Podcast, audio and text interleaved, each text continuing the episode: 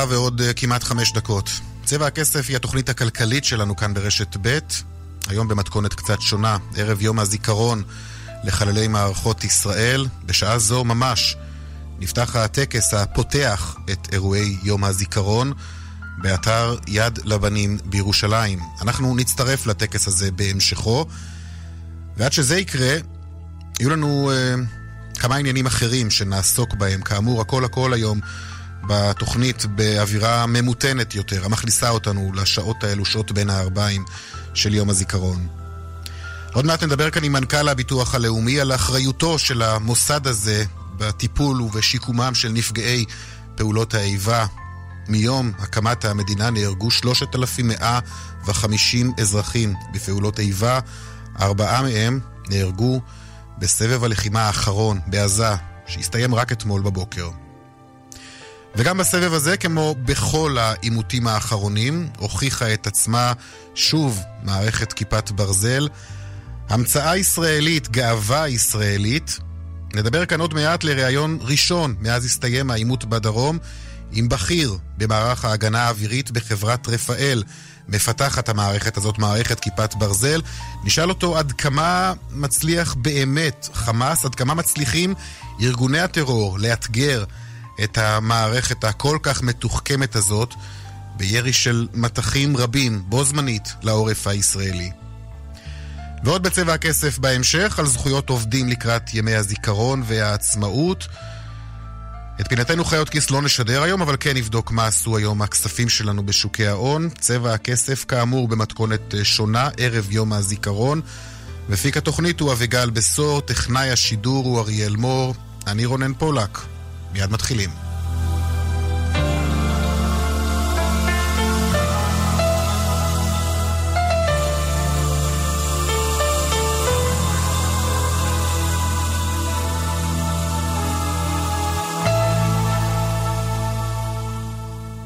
ערב יום הזיכרון לחללי מערכות ישראל, רגע לפני יום העצמאות ה-71 למדינת ישראל, והנה מה שבהחלט עונה להגדרה גאווה ישראלית, מערכת הכיפת ברזל, המערכת שפותחה בשנת 2007 ונחשבת אה, לאחת ההמצאות המקומיות אה, החשובות והמשפיעות ביותר עבור המדינה, עבור אזרחיה. רק בימים האחרונים הוכיחה המערכת הזאת שוב את אה, יכולותיה בהירות של מאות רבות של רקטות וטילים שנורו לשטח ישראל.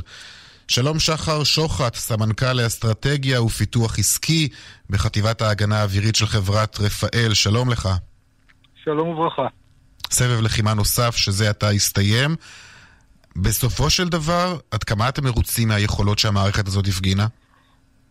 אנחנו מאוד מרוצים מהיכולות שהמערכת הפגינה, למעשה עמדה בהצלחה בכל המבחנים שלה, באחוזי הצלחה של למעלה מ-85 אחוז. שאנחנו כבר מכירים את היכולות האלה גם מההיערכויות אה, בעבר, אבל היות והמערכה הזאת הייתה קצת שונה מהמערכות הקודמות באינטנסיביות שלה אה, וגם בתחכום שלה, אז אנחנו מאוד מרוצים מהיכולות של המערכת. למעשה עמדה בהצלחה ביירוט של למעלה מ-200 אה, רקטות שנורו לעבר אזורים מיושבים במדינת ישראל וחצתה את סף אלפיים היירוטים המוצלחים שלה במערכות הכוללות, החל מהכניסה שלה לשירות מבצעי בשנת 2011. Mm-hmm. אתה מדבר על התחכום של הפעולות אה, של הצד השני אה, שהולכות ומשתכללות מן הסתם, וראינו השבוע בתום הלחימה הודעה שהוציא חמאס על כך שהם הצליחו להתגבר על ההגנה שמספקת כיפת ברזל בזכות אה, ירי של מטחים רבים מאוד בו זמנית. אה, מה שוודאי אולי הקשה על המערכת, או לכל הפחות אתגר אותה מאוד, ירי מסיבי כזה, אה, אכן מאתגר את המערכת? אז אה, כמובן שהצד השני לא שוקט על השמרים, וגם הוא משפר ומטייב את יכולותיו, וראינו את זה במערכה הזאת. אבל לא אלמן ישראל, ואני חושב שהמערכת הייתה מוכנה, אנחנו הכרנו את התהליכים האלה, הכנו את המערכת ל... לתסריטים האלה ושיפרנו את המערכת ממה שהיא הייתה בעבר אל מול תסריטים אה, כאלה של אה, מטחים אה, באמת מאוד מרוכזים ואני חושב שהייתה סך הכל עמידה מוצלחת מאוד של המערכת באתגרים האלה. כלומר... היא לא, היא לא כן. כשלה ב, במבחן היכולת שלה להתמודד בהספקי ההגנה הנדרשים אל מול המטחים המורכבים ש, ש, שנורו. וזו אכן מערכת שלומדת מסבב אחד לסבב אחר? אולי גם משכללת את עצמה? המערכת לא לומדת, מי שלומד זה חיל האוויר ולוחמי ההגנה האווירית, ומי שלומד זה המהנדסים והמפתחים ברפאל. והמערכת יחסים המאוד אה, טובה ומאוד אה, צמודה וקרובה שיש פה בין המפעיל המבצעי, קרי חיל האוויר ולוחמי ההגנה האווירית, לבין uh, מי שמתכנן ומטייב את המערכת, שזה רפאל, uh, נמצאים בקשר הדוק, מתחקרים mm-hmm. בצורה צמודה, לומדים מ- ממערכה למערכה, ולמעשה גם מכל ללחימה וללחימה. ו- וכל הזמן יש פה תהליך של תחקיר, הפקת לקחים ושיפורים, והכנה של המערכת אה, לאתגר הבא. כלומר, אתה מזהה את הניסיונות של ארגוני הטרור להתגבר על המכשול הזה מבחינתם, אה, המכשול הזה המכונה כיפת ברזל מבחינתם כמובן. אה, אני מזהה, חיל האוויר מזהה כבר הרבה מאוד אה, זמן, המודיעין מזהה, ואנחנו נערכים לדברים האלה מבעוד מועד. וגם אה, הצד השני כמובן מודה שזה האתגר שלו. ומנסה לאתגר אותנו, אבל אני חושב שסך הכל אנחנו מצליחים לשבור את עצמנו צעד אחד קדימה כבר הרבה מאוד זמן בכל מה ששייך לאיומים ולמערכת כיפת ברזל. אתם יכולים לדעת במדויק לגבי כל רקטה ורקטה היכן תיפול, ואם מיירטים אותה או שלא? כי בסופו של דבר גם, בוא נודה על האמת, מדובר uh, בסיפור כספי uh, לא קטן בכלל. הכסף לא נכנס כאן באמת לשיקול בהקשרים של חיי אדם. כי אף אחד אה, לא יחסוך אה, ולו שקל אחד כדי להציל אה, אזרח במדינת ישראל בכל מה ששייך להיערכות המבצעית ולתפעול המבצעי של חיל האוויר ומערך ההגנה האווירית. אנחנו בהחלט יודעים, וזה עקרון הפעולה הבסיסי של המערכת, היכן הולכת ליפול כל רקטה, זה משהו שהמערכת בודקת אותו כ- כתהליך, נקרא לו, ראשוני. בהערכת המצב, ובמידה והשטח שהיא הולכת ליפול עליו אה, הוא הוגדר להגנה, אה, רק אז היא מתחילה לפעול ולטפל באיום הזה.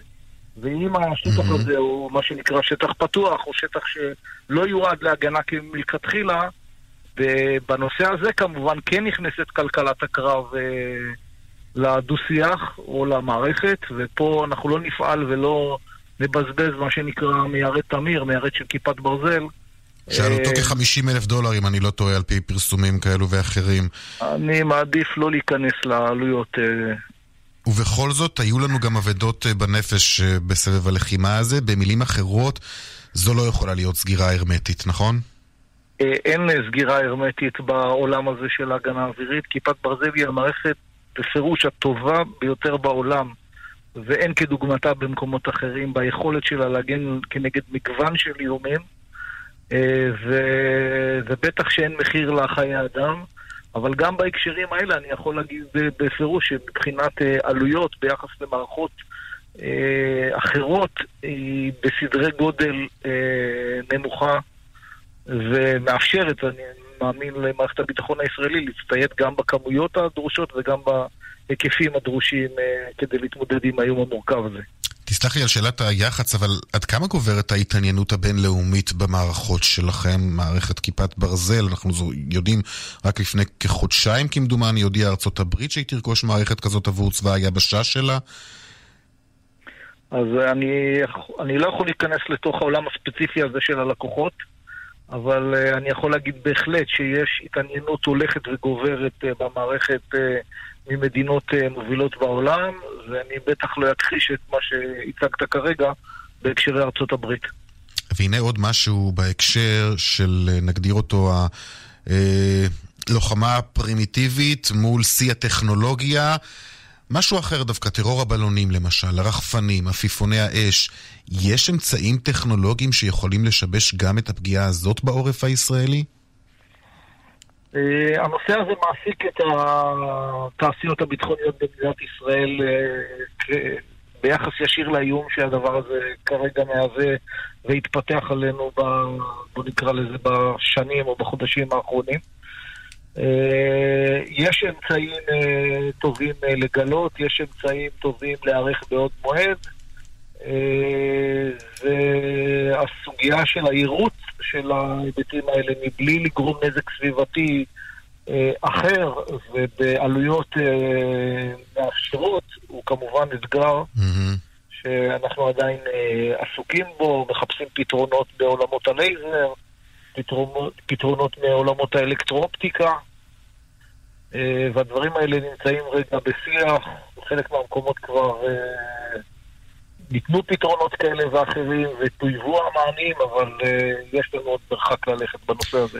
אנחנו זוכרים ביום העצמאות בשנה שעברה שמערכת כיפת ברזל נבחרה למה שהוגדר אז ההמצאה של המדינה. אני שואל אותך, עד כמה זה, עד כמה הפרגון שאתם ודאי מקבלים מאזרחים ישראלים, יותר מזה אנחנו רואים אותם יוצאים מהממ"דים כדי לצלם את העירות, וכמובן אנחנו לא מעודדים את זה, הם לא צריכים לעשות את זה. ובכל זאת אני רוצה לשאול אותך, עד כמה הפרגון הזה מחמם את הלב עבורכם? תראה, הפרגון הזה מאוד מחמם את הלב, העובדים של רפאל קמים בבוקר אה, ובאמת, באמת ובתמים מפעילים את כל מאווייהם לטובת ביטחון מדינת ישראל. רפאל היא חברה ממשלתית, וכל פרס ביטחון ישראל, ולרפאל יש למעלה מחמישים כאלה, גורם עושר גדול מאוד לאנשי רפאל, ובעיקר העשייה היומיומית במערכות אה, כמו אה, מעיל רוח לטנקים, ובטח כמו כיפת ברזל, וכמו קלע דוד, ועוד כאלה ואחרות שאני גם לא יכול לפרט אותן. הם אה, לחם חוקנו, ומסיבה שחלק גדול מאוד מהאנשים האלה קמים לעבודה בבוקר עם עושר גדול בלב. שחר, ש... שחר שוחט, סמנכ"ל לאסטרטגיה ופיתוח עסקי בחטיבת ההגנה האווירית של חברת רפאל, תודה רבה לך. תודה רבה, יום טוב וחג שמח לכל עם ישראל.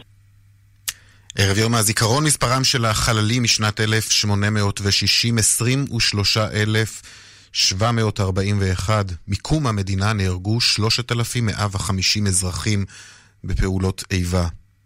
שלום מאיר שפיגלר, מנכ"ל הביטוח הלאומי. שלום וברכה. ומיום העצמאות האחרון נהרגו 13 אזרחים בפעולות איבה, ארבעה מהם בסבב הלחימה האחרון. מתי אתם פוגשים את המשפחות של הנספים, את נפגעי פעולות האיבה? מיד לאחר האירוע.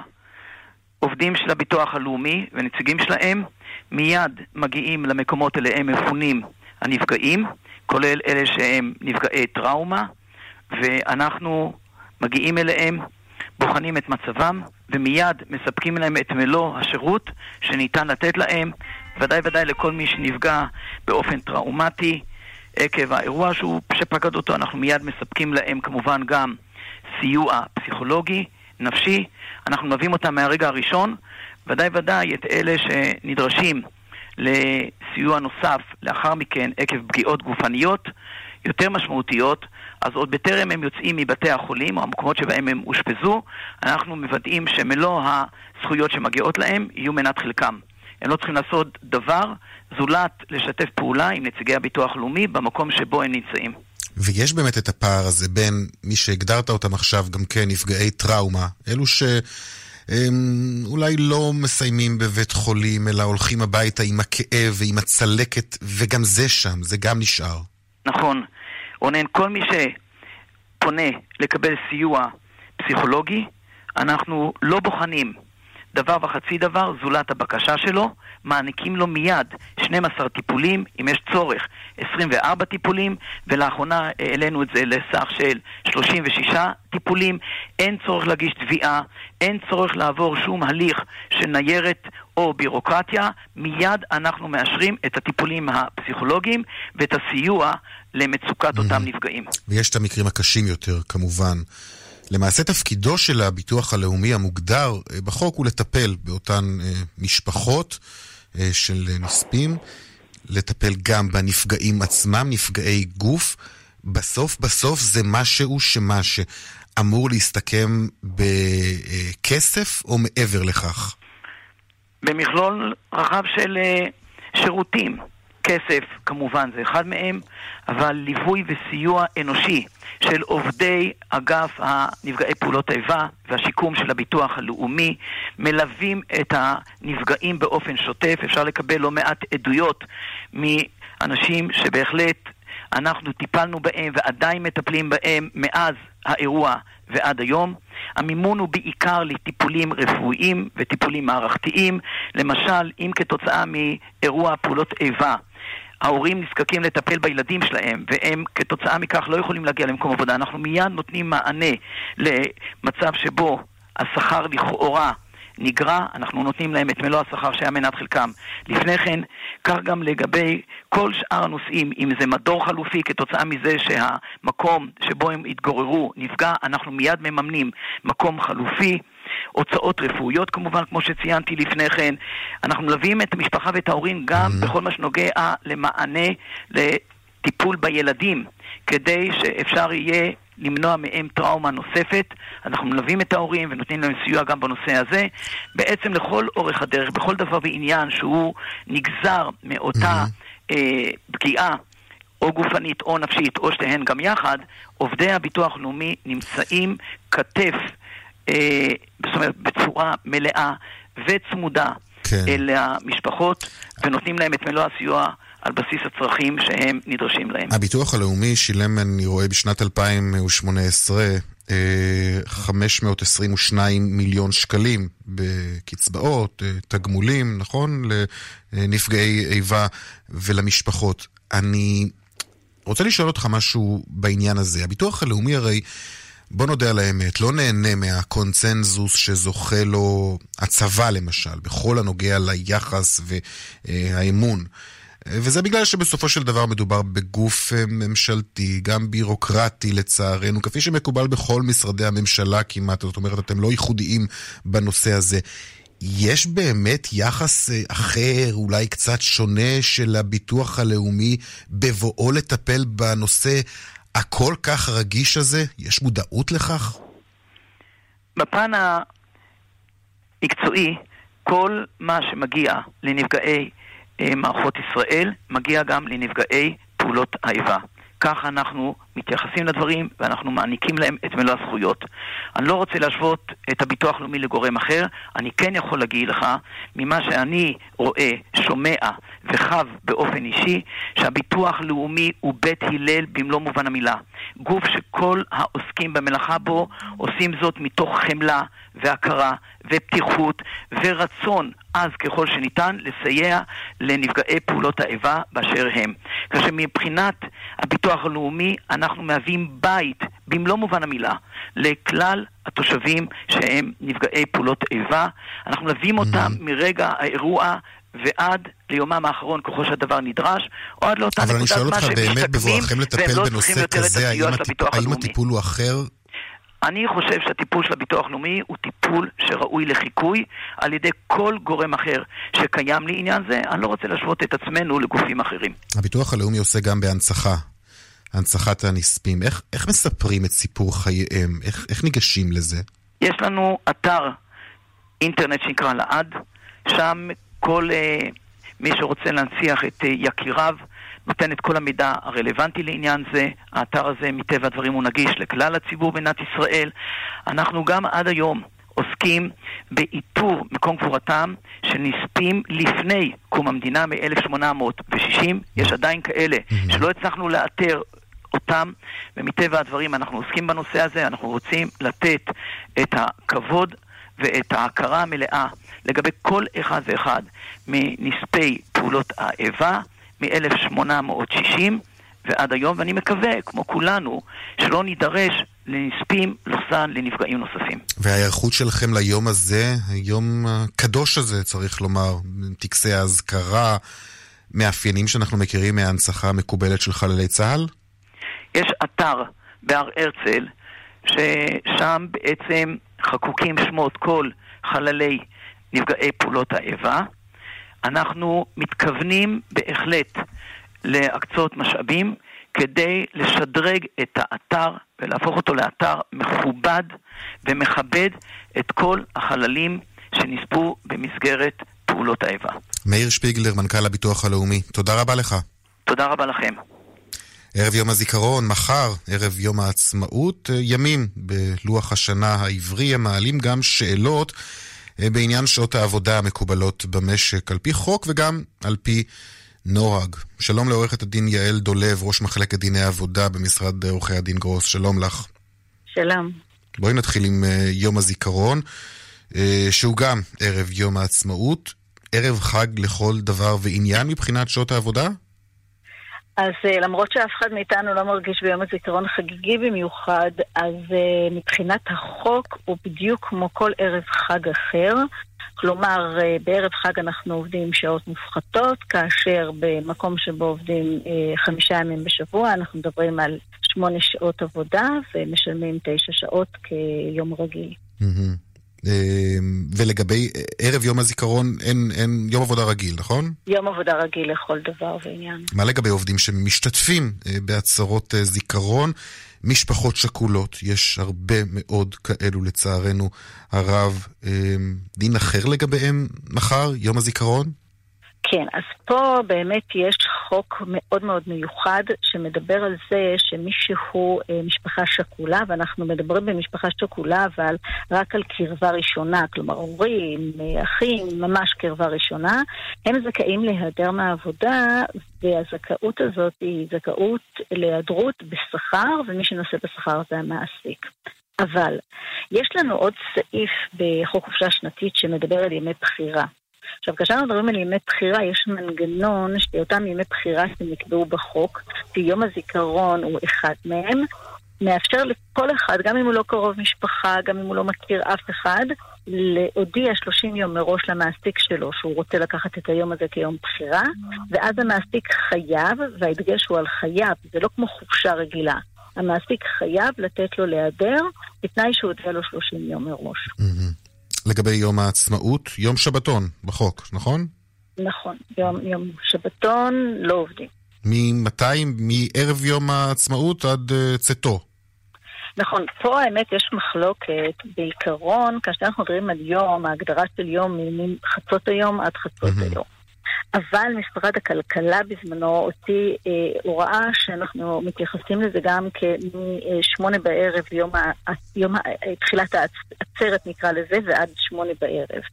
ויש פה באמת איזושהי מחלוקת ואיזשהו משהו לא ברור, כשההמלצה שלנו היא שכל אחד מהמקומות יפעל לפי הנוהג שהוא פועל בו. אם מתחילים את יום העצמאות ואת העבודה ביום העצמאות משמונה, אז משלמים שכר משמונה כיום עצמאות, כיום חג. מה לגבי עובדים שנדרשים בכל זאת לעבוד ביום העצמאות? קודם כל, אפשר בכלל לחייב עובדים לעבוד? ואם כן, אז אני מניח שמקובל לתת תשלום גבוה יותר. נכון, אז פה באמת אנחנו צריכים להבחין בין עובדים שהם עובדים נדרשים ביום העצמאות, כמו תחבורה ציבורית ודברים מהסוג הזה, שהם מחויבים לעבוד ביום העצמאות, ואז באמת הם מקבלים שכר כמו יום, אה, אה, כמו שעובדים בשבת, הם מקבלים את השכר שלהם, את השכר שלהם, פלוס את השכר הרגיל שהיה, ומקבלים גם יום חופש במקום זה. Uh, עכשיו, לגבי עובדים שלא מחויבים לעבוד ביום העצמאות, הם לא חייבים, כלומר אי אפשר לחייב אותם לעבוד, זה בדיוק כמו שאי אפשר לחייב לעבוד בכל חג אחר. אנחנו צריכים לזכור שבחגים, ב... כמו שבת, לא... אתה לא יכול לחייב עובד לעבוד, ואז הם גם מקבלים את השכר הגבוה הזה של 250 אחוז. ובמקומות מסוימים, כן. אתה יודע, זה היצע וביקוש. אז אנחנו לא מתערבים לעובדים ומעסיקים, אבל הם מקבלים בדיוק כמו בכל יום חג אחר. עורכת הדין יעל דולב, ראש מחלקת דיני עבודה בגרוס חודק ושות', תודה רבה לך. תודה וחג שמח. מקדימים את uh, פינת הבורסה שלנו, אנחנו עם העדכון היומי שלנו משוקי הכספים עכשיו. שלום אייל ראובן, מנכ"ל ובעלים של ארנינגס השקעות. שלום, שלום יאיר. שבוע מסחר uh, קצר. מקוצר אצלנו, היום אנחנו למעשה ביום המסחר האחרון לשבוע זה.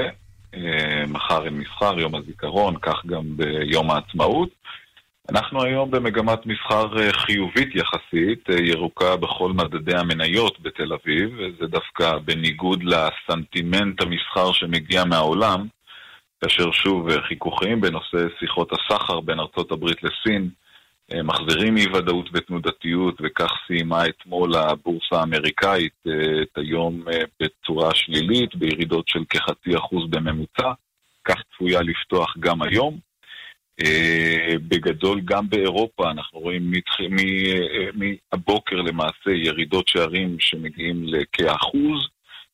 בשעה האחרונה הצטרפה הודעה של האיחוד האירופי שחותכת תחזיות התמיכה לשנה הקרובה באיחוד האירופי, בדגש על גרמניה, וזה עוד יותר אה, מעיב שם על המדדים. אצלנו, שוב, מגמה אה, חיובית כאמור, אנחנו אה, בשבוע המקוטר הזה, היום האחרון, אצלנו המדדים כרגע תל אביב 35 בעלייה של 8 עשיריות האחוז, תל אביב 90.084, תל אביב 60.06 עלייה, כאשר בולט לחיוב היום מדד הבנקים, שנסחר בעלייה של 1.2%. אה, אצלנו מניות בולטות, אה, בזק שעולה ב-3.7 אחוזים, חיל עם אה, דוחות מצוינים עולה ב-8 אחוזים, כן. חברה לישראל ב-7.5 אחוזים, מחזור מסחר מסתכם במיליארד שקל. לסיום מטח, הדולר איבד היום 16 עשיריות האחוז מול השקל, שערו היציג נקבע על 3.58, האירו 14 עשיריות השיל מערכו מול השקל, שערו נקבע על 4 שקלים 0.14 אגורות. תודה, תודה רבה לך אייל ראובן. תודה. פרויקט שעלה בתקופה האחרונה של עמותת יזמות קרבית במטרה לעודד לוחמים להגיע להייטק, לא רק יוצאי יחידות 8200 או יחידות מודיעין כאלו ואחרות. מי שלקח חלק בפרויקט הזה הוא אלכס פרידמן, מפתח בכיר בחברת ביזאבו, שלום לך. אהלן, שלום. עוד רגע אני אשאל אותך על הפרויקט הזה, אבל עוד קודם, עם כניסתנו ככה לאווירת יום הזיכרון, אתה גם השתתפת לאחרונה במסע מיוחד עם לוחמים לדבר על חוויות מהלחימה. ספר לנו על זה. נכון, אז uh, השתתפתי בפרויקט מיוחד uh, שנקרא מסע שחרור, וגם uh, Peace of Mind. זה פרויקט מיוחד שלוקח uh, צוותים אורגניים ומטיס uh, לכל מיני מקומות בחו"ל. הפרויקט בעצם ממומן על ידי uh, קהילות יהודיות בחו"ל, אנחנו טסנו ללונדון. מה שיכול להגיד, מה שיכול. להגיד מעצמי שזו חוויה ממש מיוחדת עבורי הייתה וגם בשביל הצוות. כאילו אני יכול להגיד כמה מילות הערכה גם לפרויקט, גם, גם לקהילות המערכות. וככה אני יכול עוד להגיד כמה מילים על ה... ספר לנו על הצוות רגע, שאת, שאתם נוסעים לשם יחד. מי זה הצוות בעצם? זהו, אז uh, אני התגייסתי במחזור אוגוסט 2000 לפלחן צנחנים. Uh, ואז שירתנו עד שנת 2003. ב-2003 השתחררנו.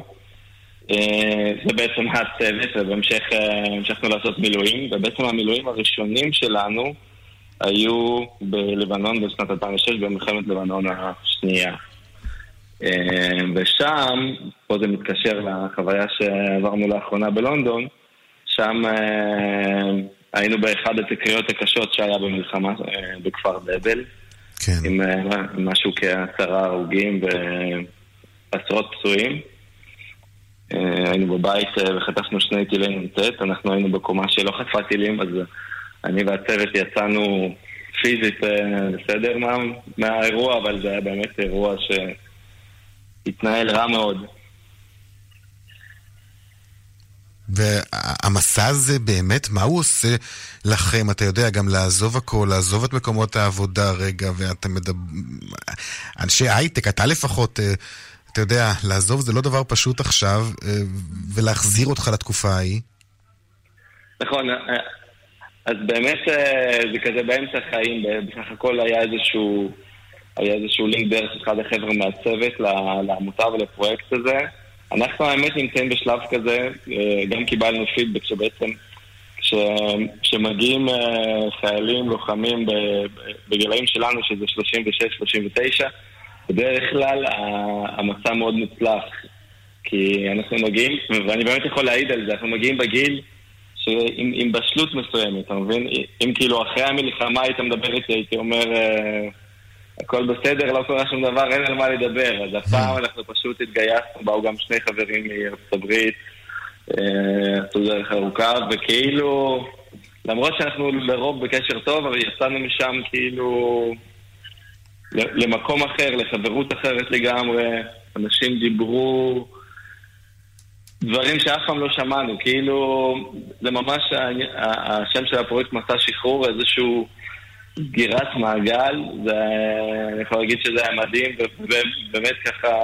וזה מה שגם הוביל אותך בסופו של דבר אה, להשתתף בפרויקט האחר שנקרא יזמות קרבית, כלומר כן לעודד אה, לוחמים, אנשים שנלחמו להגיע למקצועות ההייטק?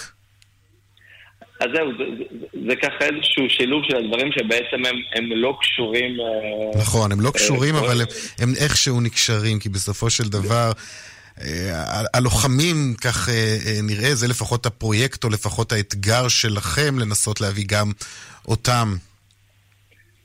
נכון, אז היה איזשהו בעצם לינק לפרויקט הזה של יזמות קרבית. איך ששמעתי על זה מאוד התחברתי בתור לוחם ובן אדם שכן נכנס uh, בדרך רגילה, עם הדרך הלימודים בטכניון והכל, uh, לעולם ההייטק.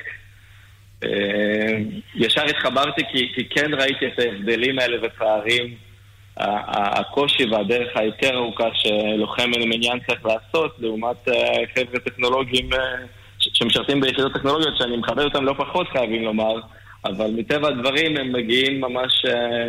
עם מקפצה לאזרחות והפרשים אה, גדולים לעומת הלוחמים.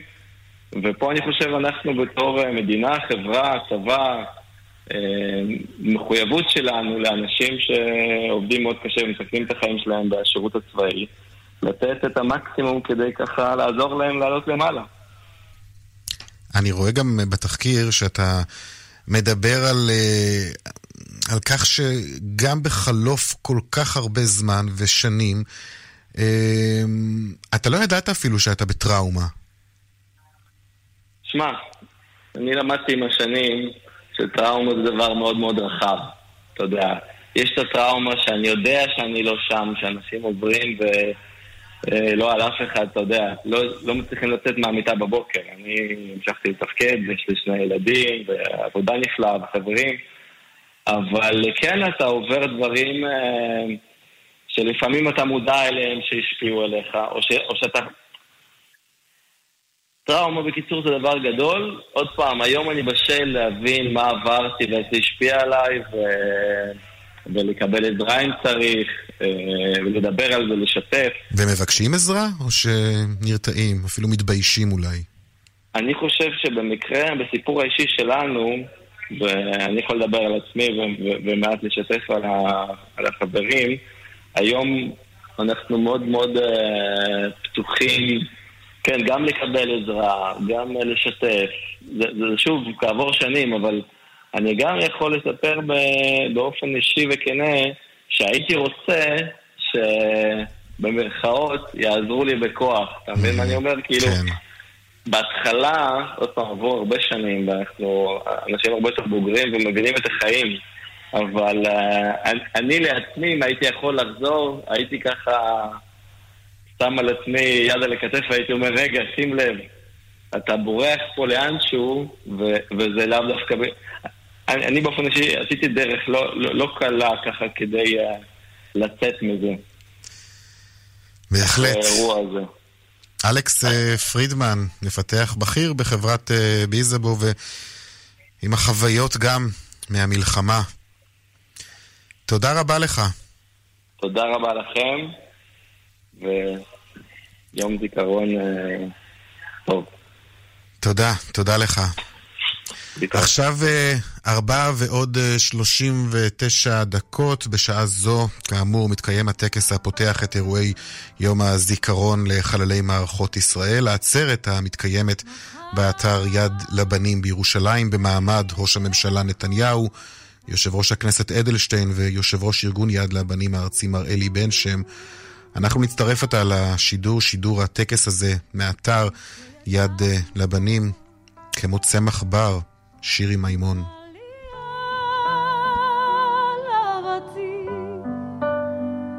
הזמן ישקיט הכל. אני הולכת לדרכי זה שאהב אותי ישוב לשדות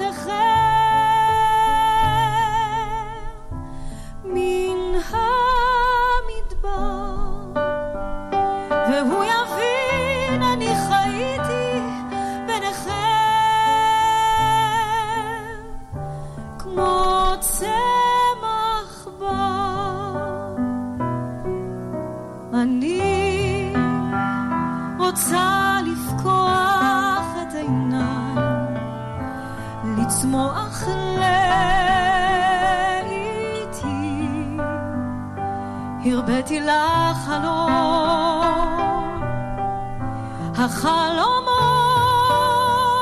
טרפו אותי רציתי לנחם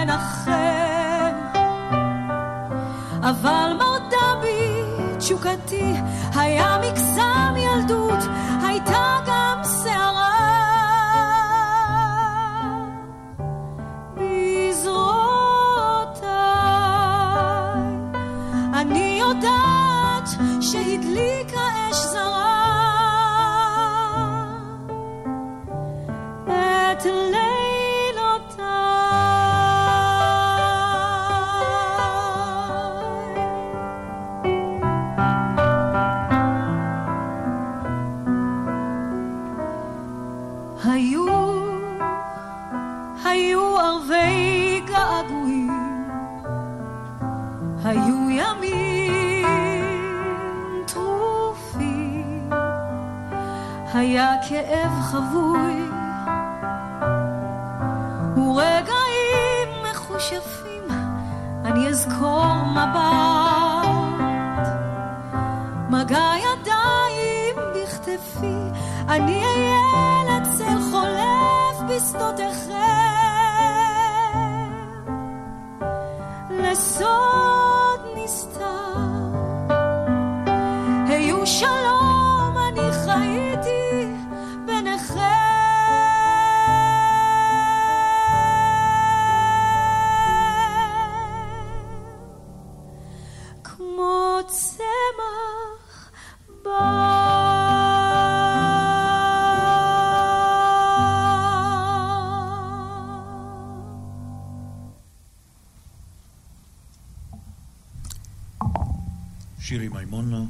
שרה את שירם של רחל שפירא ונחום הימן, כמו צמח בר. גבירותיי ורבותיי, כבוד ראש ממשלת ישראל, מר בנימין נתניהו. ראש הממשלה נתניהו כעת אה, יישא דברים בטקס הזה באתר אה, יד לבנים בירושלים. הוא עושה דרכו כעת לבימה, מיד נשמע.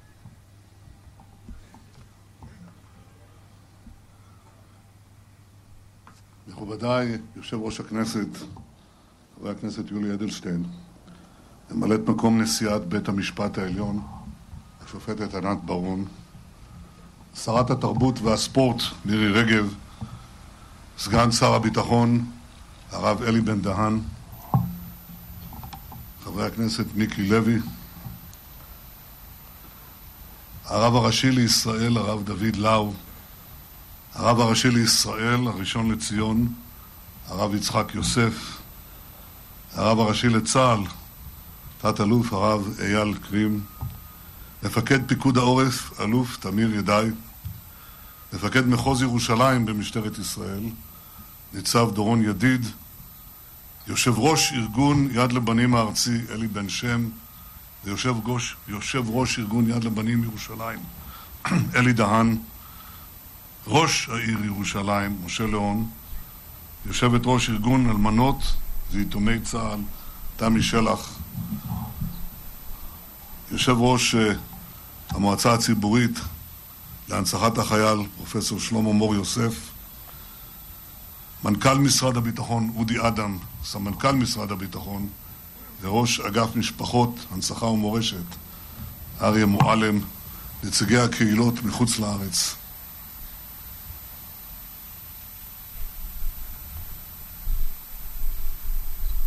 לפני כולם, לפני הכל, אחיי ואחיותיי למשפחת השכול. אורו של נר הזיכרון המועלה היום ברחבי ישראל מקרין על 364 הימים הנותרים בשנה. יום אחד, יום אחד לעומת 364, והוא שקול כנגדם. כי בזכות הבנים והבנות, בזכות יקירינו שנפלו, שזכרם צורב את נשמתנו, מובטחים חיינו, מתקיימת מדינתנו. בלעדיהם, אנה היינו באים. והיום אנחנו חולקים ראש, מרכינים ראש, וחולקים כבוד ל-23,741 חללי מערכות ישראל, יהודים, דרוזים, מוסלמים, נוצרים, בדואים, צ'רקסים. עליהם נוספים אלפי הקורבנות של פעולות האיבה, כולל ארבעה אזרחים חפים מפשע שנהרגו בתחילת השבוע בטילי המחבלים בעזה. אנו שולחים את תנחומינו העמוקים למשפחותיהם. כל חלל, כל נופל, פוצע את ליבנו. מי כמונו, אחיי ואחיותיי, יכול להעיד על כך. הכאב והגעגוע אינם מרפים. לעתים קרובות אומרים לי קרובי הנופלים, אחרי קבלת הבשורה המרה, היינו צריכים ללמוד לנשום אוויר מחדש. המחנק בגרון הופיע כל הזמן, יום ולילה. ובאמת, אין הסבר ברור כיצד אנחנו יכולים לעמוד מול האובדן. מצד אחד אנחנו ממשיכים בשגרת חיינו, ומצד שני, כמעט שאין יום שבו איננו מוצפים בזיכרונות על זיו פניהם של יקירנו, על חיוך שחייכו, על מילים שאמרו, על דברים שעשו. כאילו הם ממש איתנו. אבל הם אינם איתנו. וכל פעם בהצפת זיכרונות כאלה החלל חוזר ונפער מחדש, ואיתו מבליח הכאב הצורב.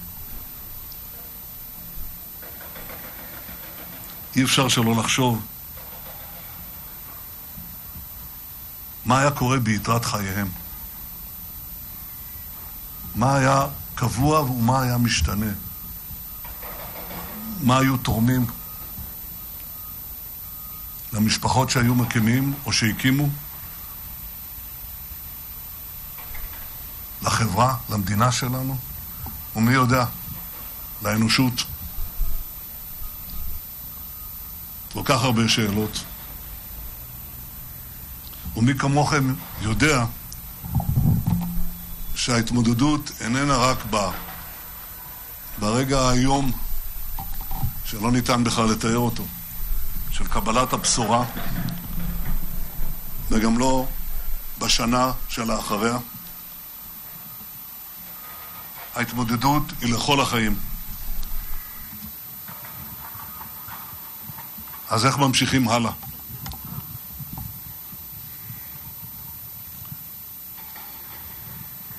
יכול להיות שכל אחד ואחת מכם, שאתם מוצאים את הדרך הייחודית שלכם להתמודד עם השכול, אבל אם יש משהו שמאחד רבים רבים מאיתנו, ואולי את כולנו, זו הפלמת השליחות הגדולה שמילאו יקירנו, ושהיא נותנת לנו הרבה כוח לעמוד במסע היגון. בזכותם זקף עמנו את קומתו במולדת, אחרי דורות רבים של חולשה והשפלה. לפני 75 שנים היינו אבק אדם. היום אנחנו כוח עולמי עולה. ומאז תחילת התחייה הלאומית שלנו בארצנו, כל דור עומד איתן מול מבקשי רעתנו. איננו ששים אלי קרב, אך אנו יודעים שנכונות ההקרבה היא הערובה לגורלנו. השנה אנחנו מציינים 50 שנה לפרוץ מלחמת ההתשה. בני דורי ואני השתתפנו בה. יש מי שמכנה אותה המלחמה הנשכחת, אבל אני זוכר אותה היטב. כשהתגייסתי לצה"ל אחרי מלחמת ששת הימים, ועשיתי טירונות בצנחנים, אמרתי כמו חבריי, כשאנחנו החמצנו, ככה אמרנו, החמצנו את המלחמה, והמפקדים שלנו, מ"כים בגיל 21, למודי קרבות ולמודי ניסיון, אמרו לנו, חכו זה עוד יבוא. והם אמרו את זה, הם אמרו את זה כמו שהאדם יודע שתבוא רעה, שהיא שונה ממה שאנחנו חושבים. ובאמת, תוך זמן קצר באו אתגרים חדשים. ההפגזות הארטילריות לשטחנו, חדירות המחבלים, הם באו, אבל הם לא החלישו את רוחנו. עמדנו בהם, השבנו מלחמה שערה. חבריי ליחידה ואני קיימנו פשיטות על פני מים גועשים מעבר לתעלת סואץ בדרום ומעבר לירדן במזרח. לימים השגנו שלום עם מצרים וירדן. השגנו אותו כי כושר העמידה של המדינה ועוצמתו של צה"ל שכנעו את שכנינו שישראל היא עובדה קיימת וכיוונו אותן לנתיבי השלום. אבל העמידה הזאת גבתה מאיתנו מחיר כבד מאוד. כמו רבים כאן, גם אני איבדתי מכרים וחברים לנשק, ביניהם חבר ילדות מירושלים, אריק אנג'ל. אריק היה נער צנון, בשכונה קראנו לו אריקו, זה כינוי חיבה שהיינו משתמשים בו לפעמים, כי אמו ויקי תמיד הייתה קוראת לו אריקו, אריקו, בוא הביתה. דבק בו, הכינוי. כשאני התגייסתי נותק הקשר איתו, אבל כעבור זמן קצר התחילו להגיע אליי כל מיני שמועות על קצין שריון מופלא, אריקו. קצין שריון מופלא, עם כושר פיקוד, עם כושר מנהיגות, שהעתיד צופן לו גדולות. בעזרת כוח הרצון האדיר שלו הוא התגבר על הקשיים.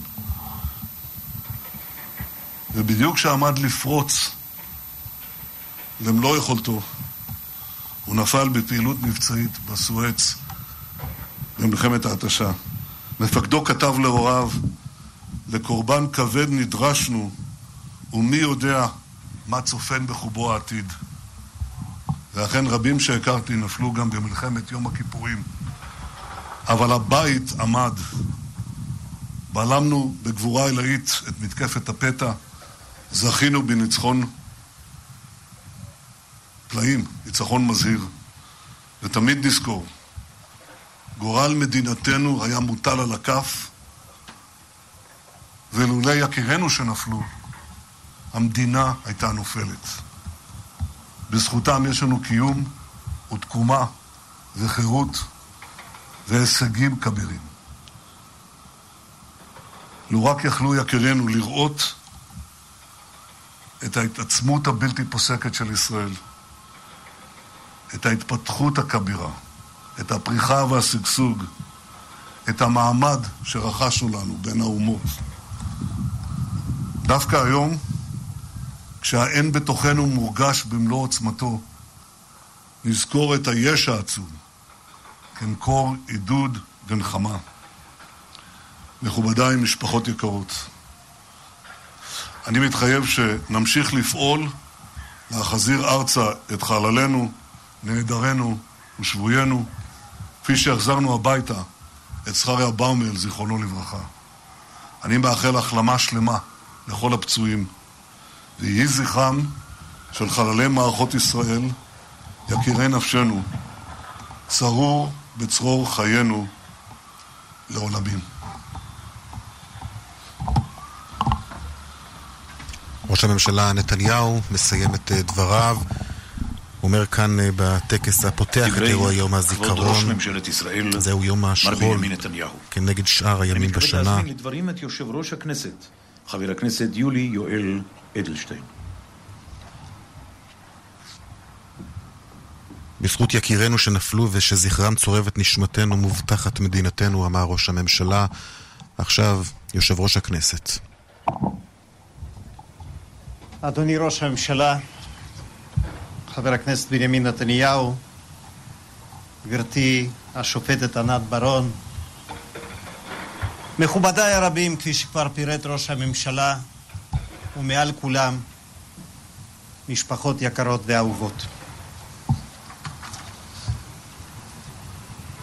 בכל שנה, בבואנו לכאן, אנחנו משילים את נעלינו.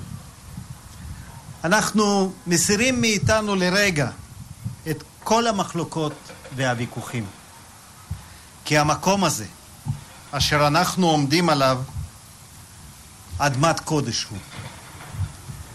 הוא קודש במסירות הנפש של חיילי צבא ההגנה לישראל, שמנשרים כלו בנקיקי הלבנון ומאריות גברו בשערי ירושלים.